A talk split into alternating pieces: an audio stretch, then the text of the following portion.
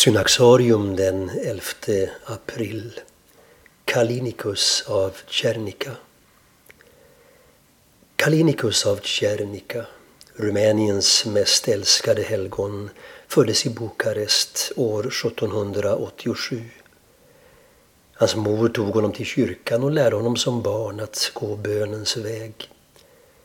Kalinikus fick sin utbildning i stadens bästa skolor och visade snart en ovanlig begåvning.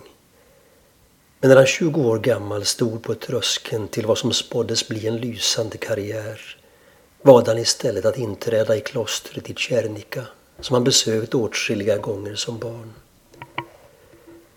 I klosterlivet utmärkte sig Kalinikus för sin kärlek till bönen. Hans föredömliga liv, som fick bröderna att häpna, gjorde att klostrets ledare lät honom avlägga sina klosterlöften innan de tre ordinarie och var över. Kommuniteten anförtrodde honom allt viktigare uppdrag och han fick möjlighet att besöka de stora moldaviska klostren. Vid 26 års ålder prästvigdes han och snart började både präster och lekmän söka honom för vägledning och själavård. I Kalinikus fann de en man efter Guds hjärta.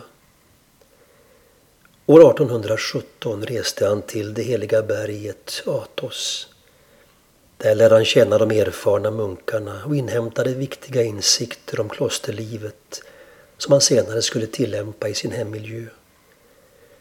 När han återvände till Tjernika året därpå valdes han till klostrets igumen, dess ledare, endast 30 år gammal.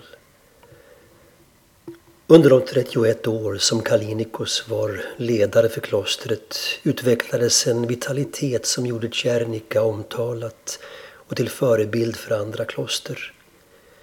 I sin monastiska vägledning hämtar han inspiration i synnerhet från Basileios den store, den av kyrkofäderna han hade en särskild kärlek till. År 1850 utnämndes Kalinikus till biskop i Rimtjukili Valchea. Han verkade intensivt för en förnyelse av det nedgångna kyrkolivet och fick inom några år se stora frukter av sin möda. När hans krafter började svikta återvände han till Tjernika och levde sin sista tid i förnöjsam väntan på sitt slutliga möte med den Herre som varit hans livs stora kärlek. Det avslutande året av sitt liv tillbringade han i sin cell. Under firandet av de heliga påskdagarna 1868 kallade han till sig sju präster och bad dem ge honom kommunionen. Bed för mig, vi ska snart skiljas åt, sa han. Två veckor senare, den 11 april, insomnade Kalinikus. Han hade då levt 43 år i klostret och verkat som biskop i 17 år. Många berättelser finns bevarade om de under som skedde genom hans böner och med sin profetiska gåva förutsåg han bland annat det svåra lidande som första världskriget skulle innebära.